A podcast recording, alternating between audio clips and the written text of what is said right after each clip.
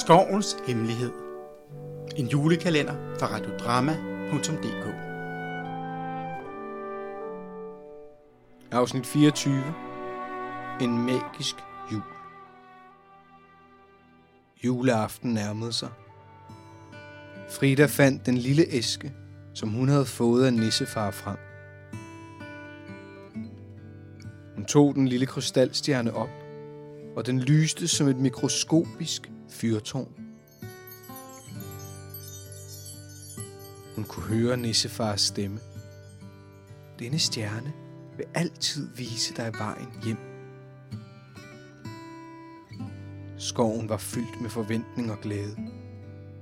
Frida havde delt dens visdom og kærlighed med verden. Skovens væsner og skabninger samledes omkring hende. De sang sange om skovens trylleri, og de dansede under stjernerne, som glimtede ekstra klart på denne særlige julenat. I midnatstimen spredte en bedårende glans sig gennem skoven. Med et smil på læberne og kærlighed i hjertet gik Frida ud af skoven. Hun gik til menneskenes verden for at finde en gave, der ville vise den kærlighed, hun følte for skoven. Hun søgte højt og lavt. Endelig fandt hun den perfekte gave.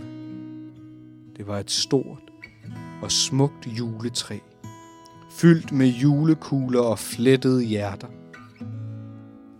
Skovens væsener samledes omkring juletræet. De hjalp med at pynte træet med skovens egne skatte. Blade af guld og grænkogler af sølv, som funklede som diamanter. Da natten faldt på, blev juletræet tændt ved at et stjerneskud ramte på toppen. Det strålede som et fyrtårn, og skoven blev oplyst som aldrig før.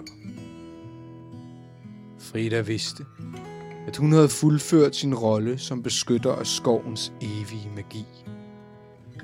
Hun havde givet skoven og alle dens væsner en uforglemmelig juleaften.